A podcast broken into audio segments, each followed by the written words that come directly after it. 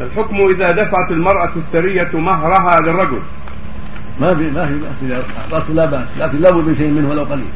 لا بد أن يعطيها شيئا لأن قال تتبع بأمواله فإذا أعطته شيئا تقضى به الحاجة فرشت البيت وأعطته ما ما, ما يصنع به الوليمة فجزاها الله خيرا. هذا طيب.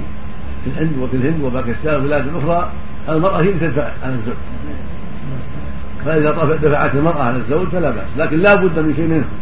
لا بد أن يعطيها مثلا آه، عشرة مئة ألف. لا بد يعطيها شيء حتى يصدق عليه أنه ابتغى بماله أن تبتغوا بأمواله فلا بد أن يكون مهرا منه ولو قليل يعقد عليه النكاح والباقي تسوقه هي تنفقه هي وهي مأجورة في هذا. ولا بأس. وهنا أمر آخر وهو ينبغي أن نسيت التنبيه عليه. وهو ولا نبه عليه أيضا مشايخ لما أذكر. وهي مسألة الخطبة. لا بأس أن يخطب الرجل لبنته يدور الطيب يقول يا فلان أنا أرغب أن أزوج بنتي أو أختي. مثل ما أن الرجل يخطب البنت ولي المرأة يخطب أيضا. يلتمس. قد فعل هذا بعض الصحابة فعله بعض الصحابة ما فعله عمر وفعله غيره.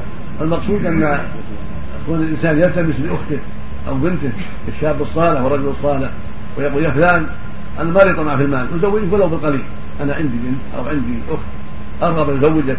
وإذا كانت تحب أن تنظر أن تنظر إليها فليس عندي مانع. فإذا رضيت زوجه إياها بمهر القليل وهذا ما يعين على إيجاد الزواج وعلى عدم الكلفة.